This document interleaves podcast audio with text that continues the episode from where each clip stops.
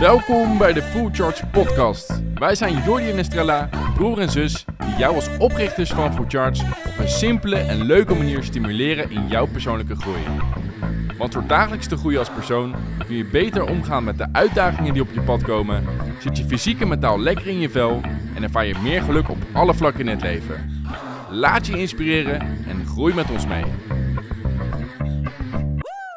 Welkom bij een nieuwe aflevering van de Food Charts podcast. We zitten hier vandaag met niemand minder dan Arno Volkert. Zo is het. Zo is het. Arno is uh, oud-algemeen directeur van een middelgrote rietenorganisatie. Ja. En daarnaast is hij op dit moment spreker en adviseur op het gebied van cultuurverandering onder andere. Ja. En doet hij samen met Paul Smit en Eitje Savora op, nou ja, als ik het zelf moet zeggen, toch wel een hele leuke, luchtige manier. Er wordt gezongen, er wordt gelachen, de handen gaan in de lucht. Mooi hè? Ik heb er al een paar keer bij mogen zijn, maar het is wel genieten. Eh, ja, nou het is ook heel leuk om te doen. Ja, misschien leuk om te beginnen bij hoe jouw switch is gegaan. Want van een algemeen directeur naar spreken en adviseur zijn is wel een flinke verandering. Eh, ja, en toch is die vrij soepel gegaan. Want ik, ik, wij, wij werden, ik, ik werkte in de autobranche en we hadden een onderneming nou die er niet zo heel goed voor stond. Ehm, en uiteindelijk hebben we dat bedrijf getransformeerd. Met name door naar de structuur te kijken en de cultuur tot nou, het dealer van het jaar. En toen dacht ik, hé, hey, dat is heel leuk. Ik deed dat met heel veel jonge mensen. Nou gaat er morgen iemand bij me komen en die tikt me op mijn schouder en zegt, ja, ik heb toch een betere aanbieding of uh, ik wil wat anders. Ja, dan begin ik weer overnieuw en ik was wel een beetje zat. Uh, we waren bezig om het bedrijf te verkopen en ik dacht, dit is het moment dat ik wegga, dat ik wat anders ga doen. Uh, maar ik weet niet of je daarin kunt herkennen. Hoe, hoe kom je op een idee om wat anders te gaan doen? Mm -hmm. dat, dat, uh, zeker als je daar heel veel energie in gaat stoppen. Wat ga ik dan doen? Nou, dan gaat het niet komen. En uh, met mijn goede vriend en nu collega Paul Smit squashte ik altijd. En toen kwam we op het punt dat hij zei... ja, ik, ik zou eigenlijk ook wel verder willen met mijn management. en toen zei hij, ja, kan jij dat niet doen voor mij? En toen dacht ik, hé, hey, dat is een goed moment. Uh, nou weet ik wat ik moet doen, daar kan ik van leven. Maar toen zei hij, maar ik heb zoveel aanvragen, misschien kan jij er ook een paar van mij overnemen. En toen dacht ik, nou, ik heb altijd gehakkeld in, in mijn leven vroeger. Ik dacht, ja, kan ik dat wel? En Paul die overtuigde me, dat moet je doen. En uh, dat was uh, 4 december 2018. En 5 december 2018, s morgens reed ik naar mijn werk. En toen belde ik hem op. Ik zei, ja, laten we dat maar doen. Dus toen heb ik mijn baan opgezegd. Heb ik nog wel de hele verkoop van ons bedrijf heb ik begeleid nog een jaar, jaar lang uh, in uh, deeltijd. Maar toen ben ik in maart 2019 begonnen als spreker. En uh, het was meteen een volle bak, boekingen doen. We hadden inderdaad heel veel aanvragen. En ik stond meteen op het podium, ja. Maar hoe was dat dan? Want dat was best wel... Leuk. Ik heb, toen, ik heb nooit zenuwen gehad, tot nu toe nog niet. Ik heb dat nooit gehad. Ik, ik, ik hoor wel eens van, van sprekers of zangers, of die moeten het podium op en die oh wat eng en zenuwen en ik moet overgeven, maar ik heb dat niet. Ik, ik kan het ook niet faken, want ik heb het gewoon niet. Dus. Wat fijn, wat fijn. En je zegt, hè, ik werkte toen met veel jonge mensen. Ja. Um, als je naar overal, zeg maar, jongere mensen kijkt, die hebben wel vaak veel onzekerheid ook, hè, van doe ik het wel goed en ook een stukje waardering nodig. Nou, oudere mensen ook hoor. Ook, iedereen uiteindelijk, ja, ja, eens. Maar hoe heb jij dat toen aangepakt binnen de organisatie? Nou, wat ik ontdekte is dat als je, uh, kijk, als je gaat groeien, uh, dan is het heel belangrijk dat de mensen met je meegroeien. Maar je komt op een gegeven moment, ja, bij ons ging de groei zo snel. En wij deden dat met dezelfde mensen, dan kom je erachter dat, dat de limiet bij die mensen be bereikt is. Um, en dat kun je niemand kwalijk nemen. En dan moet je andere mensen daarvoor hebben. Dus ik maakte gewoon een profiel in wie past daarbij. En daarbij is het niet heel makkelijk. Je kunt niet een blikken ook betrekken. Hè? Je, moet je, je moet ook wel vertrouwen hebben in, in mensen. Maar het grote voordeel van jonge mensen is, je hoeft ze niks af te leren. Je hoeft ze alleen maar te leren. Je moet alleen wel begrip hebben voor de manier waarop ze denken en, en willen functioneren. En daarbij is, en dat heb ik een beetje geleerd vanuit mijn, vanuit mijn eigen jeugd, toen ik zelf leider werd. Zorg ervoor dat als zij een succes boeken, dat het succes ook bij hun hoort. Maar op het moment dat het fout gaat, kijk, je geeft ze de vrijheid, dus het mag ook fout gaan. Zorg dan dat je ze beschermt. Uh, innovatie zorgt er. Uh, dus dus je, je krijgt uiteindelijk alleen maar innovatie of dat mensen zich ontwikkelen. als ze zich veilig genoeg voelen om ook die stappen te maken. Nou, als je als leider van de organisatie is dat je verantwoordelijkheid om dat te doen.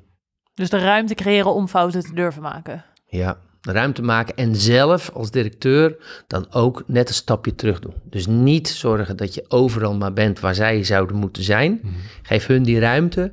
Ehm, en zorg ervoor, en dat vond ik heel eng in mijn leven. Ik was altijd, kijk, je, je groeit in een organisatie en uiteindelijk word je directeur en is het het makkelijkst om altijd maar te blijven doen wat je deed. Je weet, ja, dat, dat klinkt een beetje blasé, maar je, je weet overal alles het beste van.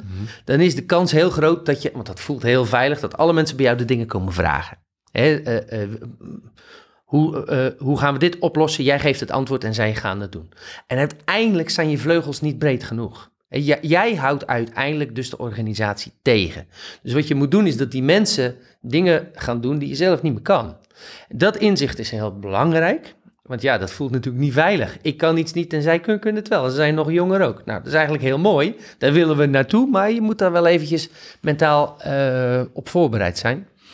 Ehm, en ten tweede, ehm, eh, zorg ervoor dat je er dan ook werkelijk bent als het fout gaat. Dus ik had zelf vier, vier bedrijven, vier vestigingen.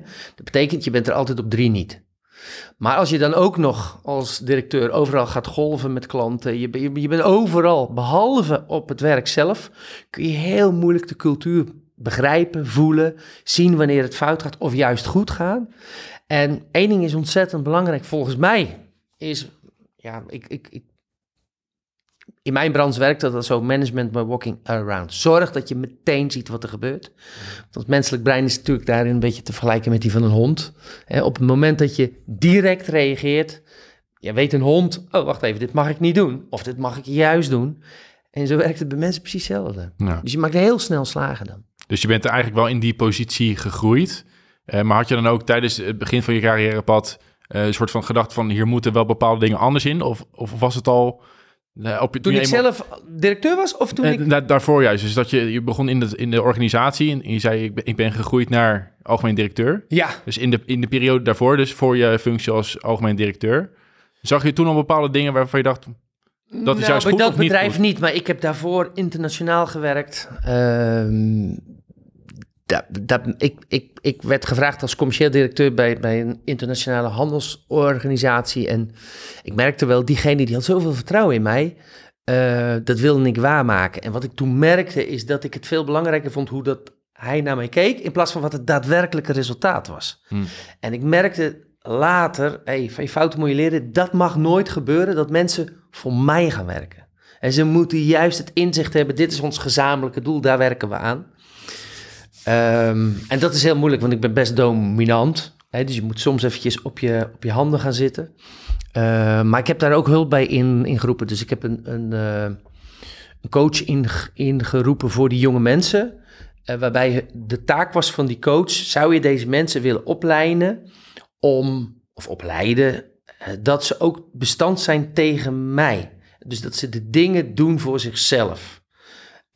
Dat ze ehm, weerwoord hebben. Dat ze, hè, weet je, als ze het niet met mij eens zijn, dat ze het zeggen. Niet omdat ik hun ooit het vertrouwen heb, heb gegeven dat ze op mij niet willen ehm, afvallen. Omdat ze denken, ja, je mag Arno niet afvallen, want ja, hij heeft zoveel vertrouwen in mij, zo, dat wil ik niet. Nee, samenwerken is, is net als topsport, weet je. Je, je vecht samen, eh, je scheldt op elkaar, maar je jaagt ook samen. Mooi. Dat is echt een superbelangrijk inzicht Ja. ook, wat je zegt. Want dat is wat wij ook heel veel zien. Het alles willen doen om aan de verwachtingen van die ander te voldoen. In plaats van aan van jezelf of om naar het Ja. resultaat te streven. Ja. Ja, en daarmee ben dat, en, en ik zie dat veel terug nog bij andere bedrijven. Je, je ja, uiteindelijk eh, ehm, em, eh, ga je met z'n allen niet vooruit. Mhm. En het gaat erom dat je met z'n allen vooruit gaat. Ja. Maar je moet wel veiligheid creëren. Ja, want dat, dat is dus waarschijnlijk een, een van de principes, dus een stuk veiligheid. Maar zijn er nou nog andere principes die jij dan echt vindt passen bij eh, het stuk open cultuur creëren? Of heb jij bepaalde principes waar je altijd aan hebt gehandhaafd? Ja, Of was direct intuïtie reageren ook? wat ik zei. Ja. Hè, we- wij noemen, vroeger had ik een Jack Russeltje, dus wij noemden dat de Jack Russell techniek. Meteen reageren op wat je ziet. En vinden heel veel mensen moeilijk. En, en Eh, wat is het dan precies? Direct reageren? Nou, je ziet iets gebeuren en Ja. je reageert meteen. Want bij heel veel bedrijven zie ik dat ze het verplaatsen naar een, een vergadering twee weken later. En is het momentum weg. En dan begrijpt die ontvanger begrijpt daar niks meer van. Hè, dus, maar om mensen aan te spreken, dat voelt niet veilig. Het is, ook, het, het, het is ook niet prettig om aangesproken te worden. Dat vindt niemand leuk. Behalve positief. Hè, dus je moet het positief doen, want alles wat je positief aanspreekt, eh, groeit heel snel. Alles wat je negatief aanspreekt, dan moet je heel goed oppassen naar wat je zegt. Maar je moet het wel doen. Het is cruciaal. Ja. Anders gaan mensen het verkeerde pad op en je krijgt ze nooit meer gekeerd. Ik vind dat wel een interessante, want ik las eh eergisteren een artikel hierover dat eh leidinggevenden of managers die hebben de moeite om het gesprek aan te gaan. En tegelijkertijd vanuit medewerkers wordt ook aangegeven dat er een soort schaamte is of dat ze bang zijn om niet serieus genomen te worden als ze iets aangeven. Dus eigenlijk vanuit twee kanten is er een soort blokkade, die dus ook niet doorbroken wordt binnen veel organisaties. Eh, ja, kan dus ook wel zijn dat ze soms verkeerde leiders hebben. Dat kan ook, hè? Want als je daar niet over durft te praten, ik denk dat dat het allerbelangrijkste is. Ja, Ik denk dat we voorbij de tijd zijn waarin we met z'n allen moeten presteren en mond houden. Het gaat erom, weet je, je, je, je kunt niet meer allerlei mensen... Nou ja, één, één ding heb ik dan, dan eh, geleerd, weet je. Vroeger dacht ik, ik, ik kan alleen maar van een 7 een 9 maken en van een 6 nooit een 7. Als je denkt in, in cijfers en Mhm. waardering bij mensen. Maar ik heb ook wel geleerd dat als je die 6 weghaalt, wordt iemand anders weer de 6. Dus je moet het doen met de mensen die je hebt. En zorg er dan voor dat je binnen die groep zoveel mogelijk leiders creëert. Die het met je eens zijn en die, die de kant op vooruit gaan. Dan gaan mensen zich daaraan blijven hangen. Pas er wel op dat er niet een soort ondercultuur ontstaat. En die ontstaat overal. Waar mensen over elkaar praten in plaats van met elkaar. ja. En dat, dat is. Ik, ik zal je een voorbeeld geven. Ik had vroeger een werknemer en die was. Die zat in de verkoop en die was. Ja, die was gewoon heel smoezelig. Eh, vet haar, zwarte randjes. Ik schep even een beeld. eh, on, on- onder zijn nagels. En ik denk. Ik ga nog even verder. Van zijn broek kon je ook wel een lekkere bouillon trekken. Dat, eh, en daar werd over gesproken. En ehm, toen dacht ik, ja, dat is niet fair. Dus ik, Nee. ik ben hem zijn kantoor ingegaan. En dat is ook hartstikke moeilijk om tegen iemand te zeggen: je, je is niet helemaal fris. Eh, maar je moet het wel doen. Dus je moet, ja, je moet er wel doorheen. Ook al zie je een hekje, dan moet je er wel. Je moet het hekje wel ook open doen in plaats van stoppen bij het hekje, zeg maar. Maar ik denk, hè, als, als mensen dit horen, dat ze denken, ja, dat klopt. Ik wil het ook wel zeggen, maar ik doe het dan toch niet. Ja. Wat is dan jouw tip? Van, hoe, hoe, hoe pak je dat aan? In dit voorbeeldsituatie bijvoorbeeld. Ja, uitstellen helpt niet. Het is net als met kiespijn bij de tandarts. Je zal toch een keer moeten. Dus er zijn dingen in je leven, ja, die moet je gewoon doen. Zo, zo zie ik dat. Ja, precies, en daar ja. moet je, heb je misschien kracht voor nodig. En de ene heeft dat wel, de ander niet. Maar als je het eenmaal gaat doen en ook al komt het wat moeilijk je mond uit. Ja, het is een kwestie van oefenen, toch? Ja, is ook zo. Ja. Ja, nee, eens. Ja, Ja. ja. Ja, ja. En als je dan kijkt, hè, want jij geeft ook advies omtrent cultuur. Zijn er dingen nog binnen eh, de organisatie toen waarvan je zegt... daar liepen wij heel erg tegenaan of dat was echt een grote uitdaging... en dat hebben we uiteindelijk zo of zo aangepakt? Als je het hebt over cultuur, open communiceren... eh, misschien ook een soort frictie tussen hier, hier- hiërarchie... van hoe zat dat in elkaar? Want je had best een platte organisatie uiteindelijk, toch? Een heel platte organisatie, maar het is niet zo dat we een plan van aanpak hadden daarvoor. Weet je, je ziet de dingen en je verandert ze. En ik geef nu met name advies eh, aan directies ehm, over mens, menselijk gedrag vanuit neurowetenschappelijk oogpunt. Weet je, wij werken met neurowetenschap samen en is het met name het inzicht van, ja, als je communiceert, wat ga je dan zeggen? Eh, wat ziet ons brein? Eh, hoe, hoe werkt dat nou precies? Hoe kom je nou over? En het blijkt dus wel dat veel mensen moeite hebben met, met naar zichzelf kijken. Eh, en met name bij directies dat ze zeggen, ja, maar ik doe toch wel alles goed. Het is toch duidelijk wat ik zeg? En dat is het niet. En weet je, je hebt altijd wel mensen in je organisatie, tenminste, ik had dat waar je omheen loopt. Dat klikt gewoon niet altijd makkelijk. Maar juist die mensen leer je wel vaak veel van. Hmm. Er was iemand die mij aansprak. En die zei, eh, ja, dat en dat wil ik toch, toch wel even over je zeggen. Mensen, eh, dat was bij mijn afscheid. Mensen vinden je allemaal nou heel geweldig. En, ehm, maar ik heb toch een beetje moeite met je. En eh, ik, ik dacht dat dat een hele goede collega was. En maar hij had gelijk. Hij was een paar maanden ziek geweest. En ik had niet één keer gebeld. En dat had te maken met het feit dat ik feitelijk gezien al daar niet meer werkte.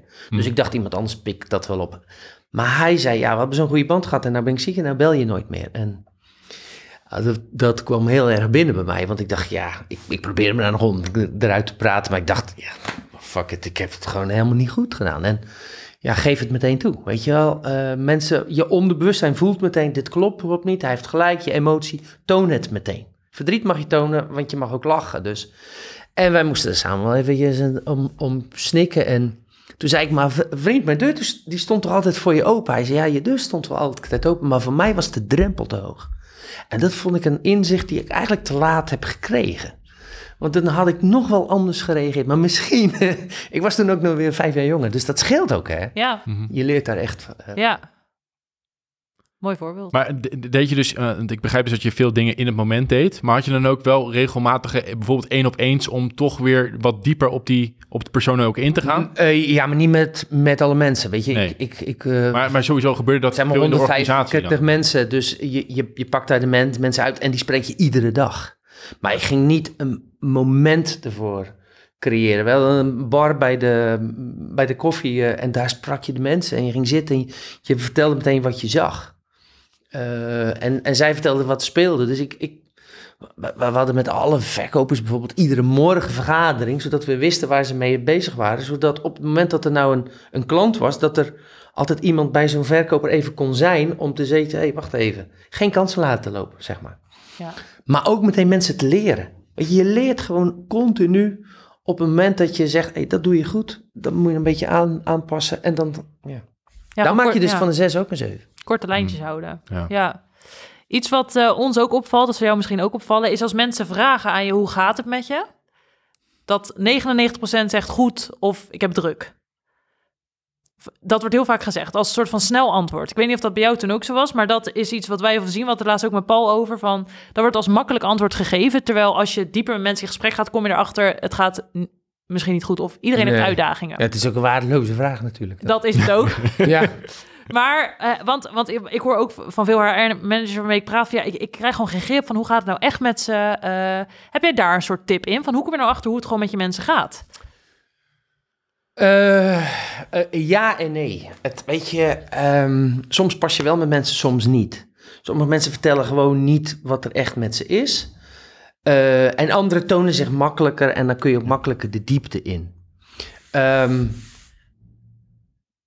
ik heb niet een tip van ga met alle mensen de diepte in, want Nee. sommige mensen vinden dat gewoon helemaal niet prettig. Nee, Weet je, je moet gewoon accepteren dat sommige mensen die komen voor hun werk. En die willen daarvoor eh, betaald worden en dat is het. Verder niks. Ik heb wel gemerkt dat jonge mensen die kijken heel anders naar beloning toe. Hè, bij ons, in mijn tijd, hoe groter de auto, hoe belangrijker je was. Ja, het is voorbij. Voor heel veel. Ook niet voor allemaal. Hè. In mijn keynotes gaan we in op juist die diversiteit en het verschil van perceptie. Het is gewoon de zaak dus dat die leiders of ja, diegene die de mensen aansturen in ieder geval doorhebben met wat voor persoon je voor je hebt. Ja, probeer elkaar beter te begrijpen. En dat lukt alleen door elkaar te ontmoeten. Weet je, als nu de hele wereld online gaat en, en, en videocalls, ja, prettige wedstrijd. Het gaat gewoon niet lukken. Alleen al door het gemis van bepaalde stofjes in je brein. Je moet elkaar ontmoeten. ik denk dat je daar iets heel belangrijks zei net. Elkaar willen begrijpen. Want Ja. dat is denk ik waar het vaak misgaat. Van, oh ja, diegene deelt niks, dus laat maar. Ja, Terwijl als je natuurlijk moeite doet om iemand te begrijpen... of diegene dan veel wil praten of niet... maar je kan in ieder geval iets beter elkaar leren kennen... of weten wat er gaande Ja. is. Dat Ja. is denk Ja. ik. Ja. Maar je moet op zijn minst weten hoe de thuissituatie is. En dan hoef je niet alles te weten, maar weet je, er, er wordt altijd maar gezegd, al die burn-outs en we hebben het moeilijk, want het, er verandert veel op het werk. Mijn ervaring is dat niet. Het zit altijd een combinatie van, met name thuis, waarbij we, of, of vanuit je jeugd, dat je een bepaalde manier van leven hebt ontwikkeld, die op een gegeven moment gaat tegenstaan. Ehm, waarbij je zoveel druk bij jezelf oplegt. ehm Waarbij uiteindelijk je niet meer kunt presteren op je werk omdat er geen balans is. En dan zeggen ze, ja, mijn werk is te zwaar. Maar dit is vaak niet zo. Ja. Weet je, het, het, de, de keus is, stel je kwetsbaar op. Het, ik vertelde je net, ik heb mensen laten coachen door een soort psycholoog. eh, in ieder geval door een trainer, waarbij ze ja, inzicht kregen in zichzelf. Maar dan moet je dus ook accepteren dat sommige mensen zeggen, ja, ik zit helemaal niet op mijn plek. Dit voelt niet goed, ik ga wat anders doen. Hè, ik, liet ik gaf die mensen een coach, maar ik liet, en ik, ik later begreep ik dat het heel normaal is, dat als je een soort leertraject in gaat, of je het bedrijf doet een investering in jou, dan moet je daarvoor tekenen. Want als je weggaat, dan moet je daar een gedeelte voor terug. Nou, lekker veilig. Ja. Ja. Dat moet je natuurlijk niet doen. Weet je, dit is, dit is jou als organisatie, dit is je risico. Je ziet in, in iemand zitten, maar als het uiteindelijk niet diegene de pad is, ja, jammer. Dan heeft Ja. niemand er wat aan, toch? Ja. Nee. Hm. En, en met het, eh, want het was ook eerder in je verhaal, je had dus een, een snelle groei meegemaakt. En toen zei je van, ik zag dat mensen op hun limiet zaten. Ja. Ehm, wat voor dingen heb je op dat moment ook, ook ingezet? Toen je Nee, dat ik, ik, waarnam? ik, ik moet het verhaal een beetje go- goed vertellen. Wij groeiden en groeiden en groeiden. Wij, wij, wij verdubbelden bijna onze omzet. Ik deed dat met dezelfde mensen, maar dan komt er iets bij. Ten eerste, ik werd een beetje laks, want ik dacht, ja, ik werkte hard, maar ik weet toch alles wel. En we groeien nog een keer en nog een keer. Je hebt niet de ervaring van voor die groei, zeg maar. Of, eh, sorry, van na die, die groei, alleen dan van voor die groei. Mhm. Dus ik dacht, nou, die doet dat, dat doet dat. St- structuur was niet heel goed. Iedereen die werkte snoeihard. Maar aan het eind van de dag was je toch niet klaar, weet je. Dus, dus de structuur was niet goed. Uiteindelijk gebeurde er iets. We kregen een nieuw computersysteem. Dat werkte niet. Ik dacht, stekkertje erin, stekkertje eruit. Maar het was een hele andere manier van denken en, en werken. Ik had dat onderschat. Ik had te maken met een jongen die ik volledig had vertrouwd als... als ik zat in, in de au- automotive als occasion manager. En die jongen die eh, had zichzelf wat overschat. Die, die ging de boel bedonderen. Die, die echt heel veel geld gestolen. Eh, en dat kwam allemaal in een paar maanden tijd. Dus in één keer denk je van, nou, het gaat allemaal heel goed, naar alles stort in. En wat gebeurt er op het moment dat alles instort, mensen ehm, niet meer eruit komen, dan eh, gaat ook de klanttevredenheid naar, naar beneden. Maar klanten voelen dat. Als het niet goed geregeld is op het werk, als de cultuur niet goed is, als de structuur niet, niet goed is, gaat iedereen ervan merken. Want ja, telefoons worden niet meer opgenomen, mensen zijn altijd druk, het werkt gewoon niet. Dus het had niet alleen, ehm, was het bij, het bij de start van, van dat bedrijf weer opnieuw opbouwen. We gaan kijken naar hoe kunnen we de mensen nou tevreden houden. Nee, dat gaat echt hand in hand met de structuur. Hoe werken we nou per af- afdeling? Wat kan beter? Nou, dan ga je voorbeelden ophalen en dan ga je er hard mee aan de slag. Dat betekent dat je ook andere mensen moet hebben. Mhm. Mensen die wel dat inzicht geven. En als je mensen helpt door te zien, luister, dit is jij, maar we hebben nu iemand die kan dat beter. Ik heb bijna met niemand discussies gehad. Ik heb bijna niemand moeten ontslaan. Mensen kwamen me bedanken voor het inzicht en zeiden bedankt, ik ga wat an- anders doen. Niet omdat die mensen niet goed waren of niet funk, maar, maar, maar ja, de groei had hun ingehaald. Ja, En dat kan met iedereen gebeuren, met jou, met mij, Ja. allemaal. ja. Het is helemaal niet zo gek. Nee. Dus eh, we- we zijn gewerkt aan die structuur, aan die cultuur en uiteindelijk hebben we het bedrijf weer helemaal opgebouwd. Ik weet alleen ding wel, ik ben toen we die gingen hervormen, zei ik, ik had in de groente en fruit, zat ik internationale handel. Eh, wij handelden, kochten in en verkochten over de hele wereld en ik had zo'n Blackberry. en zo'n Blackberry, dat is natuurlijk super interessant, dan ben je altijd bereikbaar. Nou, die had drie lampjes, een rode, een blauwe en een, ro- en, en een groene. En bij mij was dat lampje nooit uit. Want ja, als ik naar bed ging, werd er iemand wakker en die ging mij een mailtje sturen of bellen of wat dan ook. En dat blies mij helemaal op. Ik was daar spoegzat van, je hebt nooit rust. En dat, die Blackberry nam ik mee en ik zei, nou, dit is exemplarisch voor hoe dat wij hier werkten. De lampjes gaan nooit uit. En dat komt omdat wij dit niet, goed geregeld hebben hier. En nou, uiteindelijk kreeg ik alle mensen mee. Maar ik heb ook gezegd, weet je, we zitten in de trein en op het moment dat je, dat je niet eens bent met beleid, stap uit. Ga niet aan de rem hangen, maar stap uit. Ik help je, zelfs mensen geholpen op een andere baan te, te vinden die het gewoon niet eens waren met beleid of werktijden of wat dan ook. Stap uit en het komt goed. Maar ga er niet aan, aan hangen. Nou, dat- dat- als je maar open en eerlijk communiceert en de bent en aanvoelt wanneer het even Ja. fout gaat, dan... eh, Ja, maar dan komen bijvoorbeeld ook dat soort gesprekken niet als een verrassing voor iemand. Als je dus zegt van, hè, we hebben iemand die beter is in deze functie dan dat jij nu functioneert. nee, precies. Dan is het ook niet als een harde klap in het gezicht van, oh ja, dit had ik totaal niet verwacht. Omdat die lijntjes heel erg Precies. kort zijn. Ja. Dus dat is ook weer een logisch ja, wat je vaak ziet, is dat mensen niet meer helemaal goed functioneren in hun, eh, wa- wa- waar ze voor bedoeld zijn. En ik had het zelf ook in de groente en fruit meegemaakt. Ik wist het op een gegeven moment niet meer. Die, iemand die had mij aangesteld, maar ik moest zoveel doen. Wat ga je dan doen? Dan ga je, je brein zoekt zekerheid, wat kan ik wel goed? En dan ga je je takenpakket steeds breder maken. Maar waar je echt voor aangesteld wordt, daar ben je niet goed mee. Maar jouw brein kan zeggen, ja, maar kijk eens wat ik wel allemaal doe. En dat is natuurlijk niet de bedoeling. Je, de tijd van allround is wel een beetje voorbij. Je moet je echt specialiseren. Dus voor after sales, jij doet dat, jij doet dat, dat. En dat moet je goed beschrijven. Dit zijn de regels van het spel. En dan, da- en dan gaat de cultuur pas komen.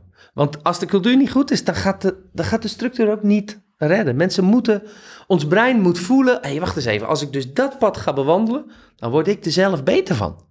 En dan gaan we die, hè, door dat inzicht gaan we dat pas doen. Mooi, helder. Ik wil nog op één ding inhaken, want je, je benoemde net kwetsbaarheid, kwetsbaar openstellen. Dat wil je eigenlijk creëren. Is dat dan iets wat jij ook heel veel deed naar de rest toe als voorbeeld? Tuurlijk. Ja, als ik bang ben, dan ben ik bang. Precies, ja, want, want je ziet natuurlijk heel veel maskers die voorgehouden worden. Ook een deel uit je keynote, vond ik een mooi plaatje zo met die eh, afbeelding ervoor. Ja, Hè? ja. Ehm, hoe doorbreek je dat patroon van het masker? Voorbeeld te doen, ja. Nee, precies, ja. Ja. Als ik bang ben, ben ik bang. Als ik blij ben, Exact. ben ik blij. Ja, ook dat als veilig. Probeer je van- masker af te doen, hoe moeilijk dat ook is. Ja, Ik heb wel vanuit een training geleerd, één ding moet je... hè, Als, als voorbeeldgedrag zo belangrijk is, en dat is gigantisch moeilijk, want ik heb er gruwelijk veel fouten in, in gemaakt. Want ik, ik eiste dat mensen echt op tijd waren en kwam ik zelf een minuut te laat. En er was niemand die er wat van zei. Nou, dat was een van de Ja. dingen dat ik zei tegen de mensen om me heen. Hey, ga er nou eens wat voor zeggen. Nou, dus, Oh, dat, ja? ja, natuurlijk. Ja, dat is ja. natuurlijk slap gedrag van mij. Ja. En, ik, en als er niemand wat van zegt, dan kom je er mee, mee weg. Maar zo is het ook met het juiste voorbeeldgedrag. Als je dat gaat geven, word je ook gevolgd. ja, En, en dat gaat nog veel harder. Dus je, je- je- ja. Weet je, wij hebben heel snel door wanneer het niet echt is. Ja, En ik kom nu bij bedrijven dat die denken, oeh, het wordt allemaal heel bewust, heel bewust gedaan. En wij hebben dit geregeld en dat geregeld. En mensen krijgen een bloemetje bij wanneer ze jarig zijn. Dat is allemaal heel mooi. Maar als de mensen niet het- de echte connectie voelen, dan loopt het echt van je af. ja. Ja, dan gaat het bloemetje het niet eh, redden. Dat denk ik, ja. Ja, precies. Ja, wel als het dus spontaan is, maar als het dus ge- geforceerd voelt, dan gaat het, gaat het mis. En dat is dus als er te veel wordt nagedacht over dat soort dingen, ook over echt beloningssystemen, ja, dat wil ik wel vragen aan jou. Want, want hoe, hoe werd het beloningssysteem ingericht dan bijvoorbeeld? Ja, dat, je bedoelt geldelijk. Nee, ja, maar gewoon, nee, ja, beloning kan natuurlijk op verschillende manieren. Dat kan in de vorm van geld of in, in, in spullen of... eh, Ja, dat is, dat is wel per functie verschillend Ja, natuurlijk. ja. Mensen hadden het wel goed. Ehm, als je kijkt naar, naar hoe, hoe, eh, hoe kwamen we nou over een... eh, eh, hebben twee keer per jaar echt een formeel gesprek. Ehm, wat ik daarmee deed was... Dat, dat had ik ook... Later bleek dat ook al eh, te bestaan. Het is ook niet zo heel moeilijk. Maar ik liet mensen op basis van hun gedrag en wat ze van hun verwacht was, wat beschreven was, hè, dit is jouw takenpakket, liet ik ze cijfers geven. Eh, dus hoe geef jij een cijfer op, eh, nou ja, een- een- noem maar wat, vriendelijkheid of wat dan al, al die dingen. En dat was per functie verschillend, moesten ze zichzelf becijferen. En dan deed ik dat bijvoorbeeld, of hun leidinggevende dat ook. Nou, hadden een beetje hetzelfde cijfers, nou, dan ben je er snel over klaar, hè. Ja. Goed gedaan, maar stel dat diegene ergens een 8 heeft en ik een 4, of precies an- andersom, ja, dan heb je echt iets om over, te praten. Ja. Ehm, en dat, dat kan ook wel eens niet zo fijn zijn, maar ja, kan me beter zeggen. Maar een goeie, want dan kijk je naar elkaars perspectief, zeg maar. Van hoe zie jij het, hoe zie ik het? En dan leg je Ja. het naast elkaar. Ja. Niet alleen maar er ik zijn vind heel dit. veel directies, eh, merk ik nu, die laten zichzelf dan ook een cijfer geven. En dat heb ik nooit gedaan, omdat ja, heel veel mensen durven me toch niet een cijfer te geven die ze misschien wel echt wilden geven. En misschien hadden ze me een week later wel een beter cijfer gegeven als ik iets positiefs zei. Dus het is heel op je... Ja, ja. Ook Ja. echt in het moment, natuurlijk. Net wat er die week ja. ook inderdaad Ja. speelt. Ja, dat is ook zo. Ik kan me herinneren dat ik toen niet altijd een applaus kreeg, wat we nu wel van het podium eh, eh, krijgen. En nu ik daar naar binnen kom, zeggen ze, ah, dat was zo'n geweldige tijd. En nou, Ja. ik heb dat toen zo niet ervaren. Ja. Ja. Ja. Nee, Ja. Mis je die periode nog? nooit. Nee? Nul. Nul. Oh. Nee, ik vond het verschrikkelijk zwaar. Ja. Het verschrikkelijk zwaar om op mijn handen te zitten, niet mijn kracht te gebruiken in de commercie bijvoorbeeld, omdat anderen dat moesten gaan doen. En ik wilde ze niet voor, voor de voeten lopen.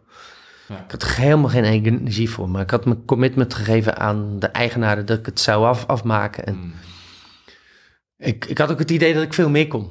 Maar ja, dat eh, vinden we vaak, denk ik. Maar Maar ben- ik ben veel, veel meer in wat voor zin? Dat je, veel meer in wat voor zin? Dat, eh, ik had veel meer energie om nog aan te pakken. ja, zo. Ja. En eh, weet je, je, je moet je natuurlijk wel het tempo aan gaan houden van degene die je begeleidt. Ja. En dat is wel eens moeilijk. Want als ze jouw tempo moeten aangaan, ja, dan haken mensen af. Dat, dat, dat, Ja. dat gaat gewoon niet. Super interessant. Ik denk eh, genoeg info voor nu. Is er nog iets waarvan jij zegt? Dit eh, wil ik echt nog. eh, Ja, ik wil dat dit niet uitgezonden Ja. ik wil dat het binnen gesloten. Ja, nee. Maar verder niks eh bijzonders. Nee, nee, ik vond het heel leuk om even met jullie te spreken. Ik vind het wel moeilijk om zo alleen maar te praten, want Ja. eh, ja, het, het is altijd net of je dan heel wild van jezelf bent, maar ja. Nou, zo komt het niet over. Nee. Oh, nou, ik hoop het. Dit is en anders, kwetsbaarheid, hè? en anders Ja. dan pech, Ja. toch? ja, we gaan elkaar zo meteen gewoon een cijfer geven en dan komen we eruit. Heel goed, maar pas op hè vriend, want ik ben er niet gewend. Nee. Top, dankjewel voor het luisteren. en jij ook bedankt, Arno. Heb jij na het luisteren van deze aflevering ook zin om stappen te zetten in jouw persoonlijke groei?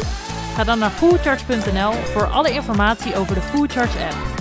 Hiermee leg je dagelijks de focus op jezelf en werk je actiegericht aan hetgeen waar jij nu in wilt groeien.